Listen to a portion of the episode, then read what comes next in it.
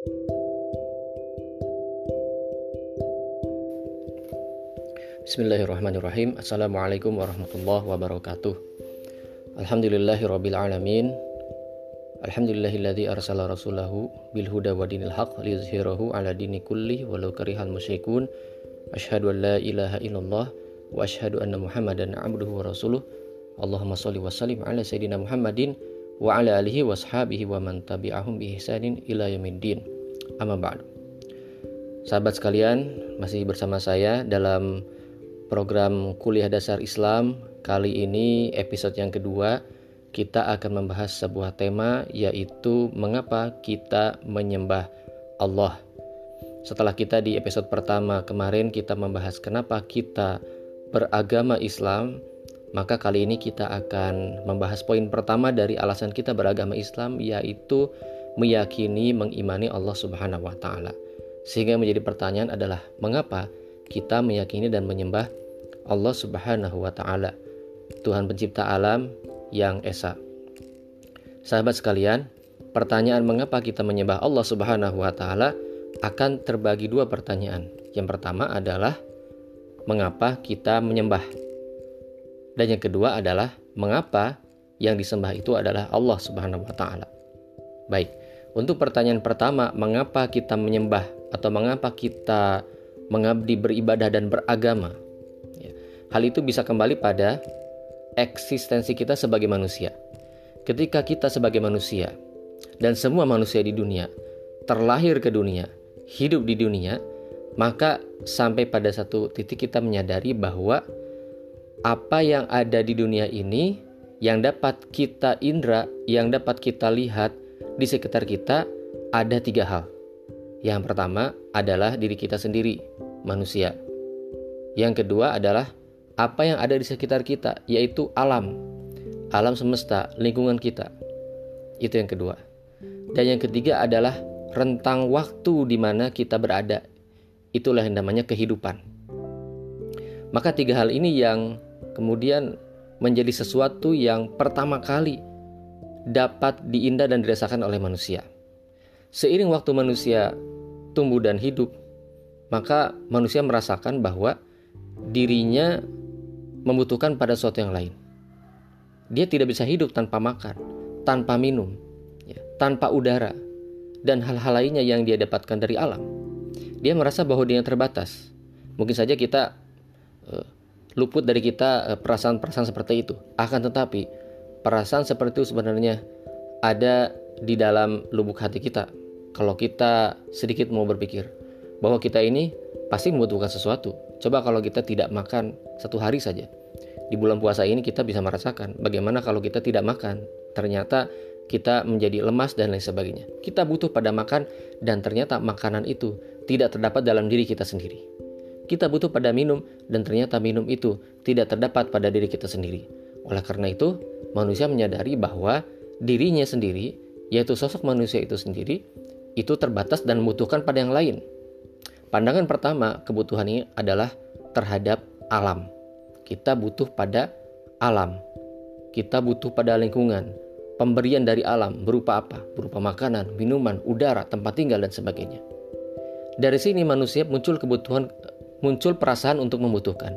Dan dari sini juga manusia memunculkan perasaan untuk mengagungkan sesuatu di luar dirinya. Untuk membesarkan sesuatu di luar dirinya. Ya. Ini adalah eh, kadar terendah dari keinginan untuk menyembah sesuatu. Nah, keinginan menyembah sesuatu sebetulnya sudah ada dalam diri manusia dan sudah menjadi fitrah dalam diri manusia. Bahkan e, beberapa tahun yang lampau ada sebuah penelitian bahwasanya di dalam otak manusia itu ada sebuah e, sektor dalam otak yang oleh para peneliti otak dinamakan God spot atau titik Tuhan. Apa itu titik Tuhan? Titik Tuhan itu bukan berarti ada Tuhan di dalam e, sektor otak tersebut, bukan. Akan tetapi ada sektor dalam otak yang e, cenderung ingin menyembah sesuatu. Di situlah manusia berpikir untuk menyembah sesuatu. Dan itu ada dalam otak kita. Dengan kata lain, dalam jiwa manusia selalu ada keinginan untuk menyembah sesuatu, mengagungkan sesuatu, didasarkan pada rasa kebutuhan dirinya, rasa keterbatasan dirinya sehingga membutuhkan sesuatu yang lain. Membutuhkan sosok di luar dirinya untuk dia agungkan, dia sucikan, dia sembah. Akan tetapi, apakah yang dia sembah itu adalah alam, lingkungan, alam semesta? Apakah itu yang dia sembah? Ternyata kalau kita perhatikan lagi alam semesta, lingkungan itu juga terbatas. Ya. Apa yang kita makan, misalnya dari tumbuh-tumbuhan, tumbuh-tumbuhan juga kadang-kadang habis. Apa yang kita makan misalnya eh, daging-dagingan dari hewan, hewan juga ternyata bisa mati dan kadang-kadang habis juga. Ya kita misalnya membutuhkan uh, air, misalnya dari hujan, ternyata langit juga kadang menurunkan hujan, kadang juga tidak. Artinya, alam juga ada keterbatasan. Itu satu. Nah, yang kedua, kita melihat ternyata alam juga ada keteraturan. Ada desain yang e, mengatur alam semesta ini. Kapan turun hujan, kapan misalnya Eh, hewan-hewan ternak yang kita ambil dagingnya untuk kita makan ternyata hewan itu kadang kata hewan itu beranak pinak dan seterusnya. Ya. Ada satu desain ada satu uh, aturan tertentu yang berlaku di alam ini. Nah ini yang dilihat oleh kita sebagai manusia di mana kita punya potensi yaitu akal untuk memahami hal itu semua. Nah oleh karena itu ketika kita uh, sedang menuju kepada pemahaman bahwa ada pencipta di balik alam semesta, maka Al-Quran mengajak kita berpikir tentang alam semesta itu sendiri. Misalnya dalam Al-Quran disebutkan, A'udzubillahi minasyaitonirrajim, Afala yang zuruna ilal ibili kaifa khuliqat, wa ilal samai kaifa rufi'at, wa ilal jibali kaifa nusibat, wa ilal ardi kaifa sutihat. Apakah kalian tidak memperhatikan? Kepada unta bagaimana dia diciptakan? kepada langit bagaimana dia ditinggikan, kepada gunung bagaimana dia dipancangkan, dan kepada bumi bagaimana dia dihamparkan. Ini ajakan Quran untuk memperhatikan alam semesta. Dan patut dicatat bahwa ketika Quran berbicara tentang ayat-ayat keimanan, ayat-ayat yang mengejak kita memperhatikan alam semesta untuk memahami adanya sang pencipta, ayat-ayat ini bukan semata disampaikan pada orang yang sudah beriman, Justru ayat ini disampaikan kepada orang-orang yang belum beriman, orang-orang kafir, agar mereka memperhatikan alam semesta ini, agar mereka bisa beriman. Jadi, keimanan bisa dicapai dengan memperhatikan alam semesta. Kalau kita lihat alam semesta, ternyata penciptaannya ya begitu detil, begitu teratur. Ya. Bagaimana tadi ayat tadi mengajak kita melihat unta, bagaimana sistem hidup pada diri unta ya dengan semua uh, keajaiban pada makhluk Allah dia bisa makan dia bisa berkembang biak dan seterusnya. Ya. Bagaimana langit penuh dengan bintang langit ditinggikan dan tidak bisa dijangkau oleh manusia? Itu semua harusnya membuat manusia menyadari bahwa apa yang ada di sekitar kita ini satu terbatas dan yang kedua ada e, sebuah sistem yang sangat teratur. Dan ini membuktikan adanya sesuatu yang di luar kita dan di luar alam semesta itu sendiri yang mendesain itu semua. Karena kalau alam semesta itu sendiri adalah Tuhan, tidak mungkin dia bisa mengatur dirinya sendiri. Ya. Dan tidak mungkin dia terbatas sebab Tuhan itu pasti tidak terbatas. Jadi Tuhanlah yang mengatur alam semesta. Jadi alam semesta mesti diatur oleh sesuatu di luar dirinya dan itulah Tuhan, itulah sang pencipta. Walaupun pada titik itu kita tidak bisa melihat sosok Tuhan itu, kita tidak bisa mengindra dengan panca indera kita sosok Tuhan itu, tetapi dengan pemikiran yang pasti, kita bisa memastikan bahwa Tuhan itu ada. Kita bisa memastikan bahwa pencipta itu ada. Dan dia bukan hanya mencipta kita, mencipta alam, tapi dia juga membuat aturan. Dia mengatur ya, alam semesta dan dia mengatur diri kita. Ini adalah sesuatu kesimpulan konklusi yang sudah pasti halnya. Sebagaimana konklusi misalnya 2 tambah 2 sama dengan 4 misalnya. Ini sesuatu yang pasti. Sebab tidak mungkin tidak ada yang mengatur alam semesta. Tidak mungkin tidak ada yang menciptakan alam semesta. Maka oleh karena itu benar apa yang dikatakan bahwa eh, lebih sulit untuk membuktikan tidak adanya Tuhan daripada membuktikan adanya Tuhan. Ya, coba saja kalau misalnya kita bertemu orang yang tidak yakin adanya Tuhan, misalnya dia seorang ateis, ya, dia tidak percaya Tuhan, tidak percaya agama. Ya. Coba tanyakan pada orang itu, ya, apa bukti tidak ada Tuhan? Ya. Jadi kalau ditanya bukti adanya Tuhan akan terlalu banyak, akan terlalu banyak. Bahkan bukan hanya alam semesta, tapi diri kita sendiri pun adalah bukti adanya Tuhan. Coba diri kita, manusia. Setiap kelahiran manusia selalu polanya, selalu modelnya sama yaitu ada kepala, ada anggota tubuh dan lain sebagainya. Kemudian ada organ tubuh di mana kita dapat mencerna makanan, di mana kita dapat bernapas, ada organ tubuh di mana kita bisa mengalirkan darah. Itu semua sama pada diri setiap manusia yang lahir. Jikalau alam ini random, alam ini acak, mengapa setiap manusia yang lahir selalu dengan model yang sama?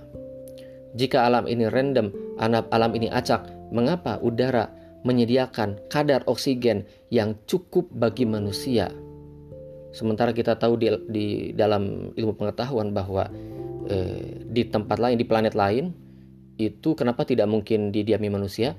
Karena kadar oksigennya tidak pada kadar yang proporsional, tidak cukup untuk hidup manusia. Sedangkan bumi ini cukup kadar oksigennya. Bukan hanya itu, kadar suhunya juga cukup. Artinya jarak dari bumi ke matahari adalah pada jarak yang pas untuk manusia bisa hidup. Bagaimana ini semua bisa terjadi tanpa adanya yang menciptakan dan yang mengatur? Makanya lebih sulit untuk membuktikan bahwa tidak ada Tuhan. Ini lebih sulit. Oleh karena itu keberadaan Tuhan, keberadaan pencipta adalah sesuatu yang mudah bagi akal manusia dan bahkan itu adalah sesuatu yang fitrah pada diri manusia. Artinya, kecenderungan untuk meyakini adanya Tuhan kecenderungan untuk meyakini adanya Sang Pencipta, hal itu sudah merupakan sesuatu yang include di dalam diri manusia itu sendiri. Manusia akan sulit mengingkari keberadaan Pencipta karena ketika manusia mengingkari keberadaan Pencipta, dia akan mengalihkan kecenderungan menyembahnya tadi kepada sesuatu yang lain di luar Sang Pencipta yang di mana itu bertentangan dengan akal sehat dan bertentangan dengan fitrahnya. Misalnya, dia menjadi mengagungkan alam semesta Padahal dia tahu alam semesta juga terbatas, ada rentang waktunya. Ya, setiap sesuatu yang di alam semesta ini bisa uh, hidup dan mati. Ya, pepohonan hidup kemudian mati. Bahkan bintang-bintang yang jauh di sana yang memancarkan cahaya juga bisa hidup dan bisa mati. Maksudnya adalah uh, bintang juga ada usianya. Sehingga eh, kadang-kadang cahaya bintang yang kita lihat di langit itu sebetulnya bintang yang sudah mati.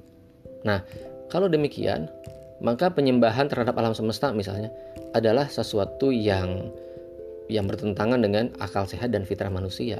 Nah, kadang juga ada manusia yang mengalihkan penyembahannya kepada manusia lainnya. Ini juga pasti bertentangan dengan akal sehat dan dengan fitrahnya. Kenapa? Karena pasti dia mengetahui bahwa manusia yang dia sembah itu akan mati juga.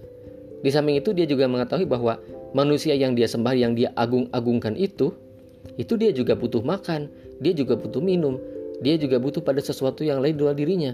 Maka maka bagaimana mungkin sosok manusia seperti itu dijadikan sosok sesembahan? Sebetulnya orang-orang seperti ateis itu mengagungkan manusia juga ya. Walaupun dia pasti tidak akan mengakui kalau itu disebut penyembahan atau ibadah, pasti dia tidak mengakui.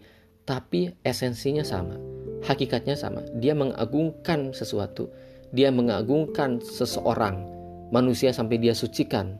Ya. Minimal dia sucikan dalam gagasan ateisnya itu. Ya. Nah itu adalah esensi penyembahan juga sebetulnya. Karena dia menafikan penyembahan kepada Tuhan Sang Pencipta Alam. Nah, sahabat sekalian yang dimuliakan Allah, maka ketika kita menyadari dan memahami dan sampai pada konklusi yang pasti, kesimpulan yang pasti bahwa ada sesuatu yang bukan manusia, bukan alam semesta, yang dia menciptakan manusia dan menciptakan alam semesta dan menciptakan kehidupan ini, maka kecenderungan penyembahan dalam diri kita itu bisa disalurkan kepada Tuhan Sang Pencipta alam itu. Apalagi konklusi tadi mengantarkan pada pemahaman bahwa berarti kita bergantung pada Sang Pencipta tadi. Sebab alam semesta yang selama ini memberikan kita makan, memberikan kita minum, memberikan kita udara, itu diciptakan oleh Sang Pencipta, Sang Khalik yaitu Allah Subhanahu wa taala. Artinya apa? Artinya yang kita butuhkan, tempat kita bergantung sebenarnya, sosok yang harusnya kita sucikan, sosok yang kita agungkan, sosok yang kita sembah, tidak lain adalah Sang Pencipta alam semesta, yaitu Tuhan Al-Khaliq, Allah Subhanahu wa Ta'ala. Sahabat sekalian, itu jawaban atas pertanyaan pertama, yaitu kenapa kita menyembah, sekaligus itu juga sebetulnya bagian dari jawaban kedua, kenapa yang kita sembah adalah adalah Allah Subhanahu wa taala. Ya. Tinggal kemudian kita bagaimana sampai pada konklusi bahwa Allah Subhanahu wa taala itu adalah esa, tidak berbilang. Ya. Karenanya eh, akidah dalam Islam itu adalah tauhid, artinya mengesahkan Allah. Ya. Kenapa kita bisa meyakini bahwa Allah Subhanahu wa taala itu esa, tauhid ya. Tunggal tidak berbilang karena akal sehat kita mengatakan bahwa tidak mungkin pencipta alam semesta itu lebih dari satu. Sebab apa? Sebab kalau Tuhan pencipta alam semesta lebih dari satu, niscaya alam semesta ini akan kacau. Bagaimana tidak?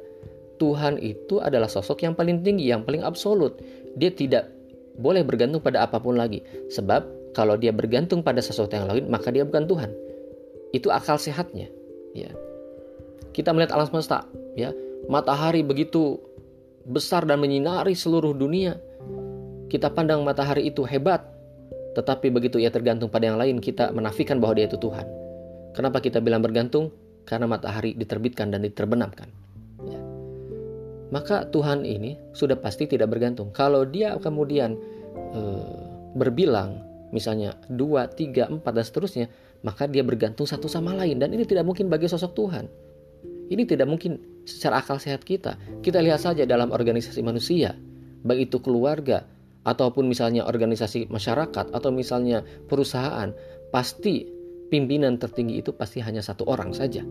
Dia tidak mungkin berbilang. Karena kalau berbilang dua, tiga dan seterusnya, maka pasti pengaturnya tidak akan baik, pasti akan kacau. Demikian juga alam semesta akan kacau kalau Tuhannya itu ada dua, tiga dan seterusnya. Tapi fakta yang kita lihat alam semesta tidak kacau. Dia berada dalam keteraturan.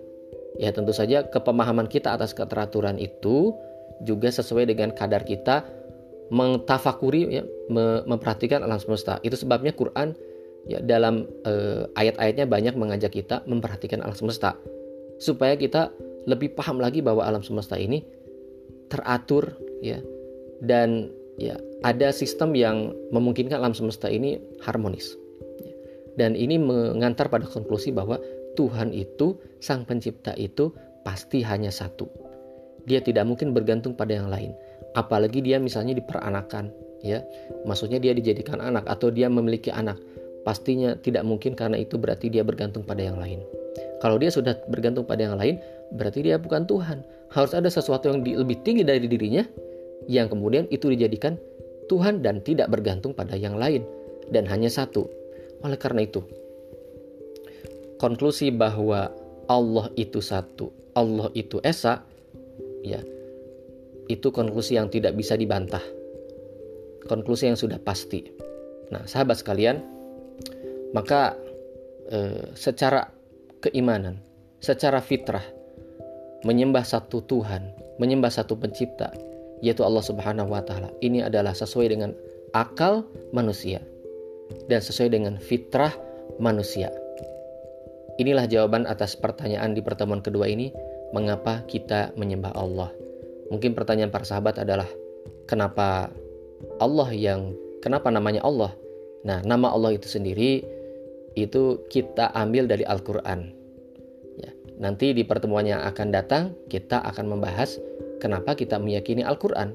Kenapa kita meyakini kebenaran Al-Quran. Yang salah satu eh, di dalamnya adalah nama Tuhan itu sendiri, yaitu Allah itu sendiri. Sahabat sekalian, kita akan lanjutkan pembahasan ini di pertemuan mendatang tentang mengapa kita meyakini kebenaran Al-Quran. Semoga pembahasan kali ini bermanfaat untuk menguatkan lagi keimanan kita, ketauhidan kita kepada Allah Subhanahu wa taala. Terima kasih. Assalamualaikum warahmatullahi wabarakatuh.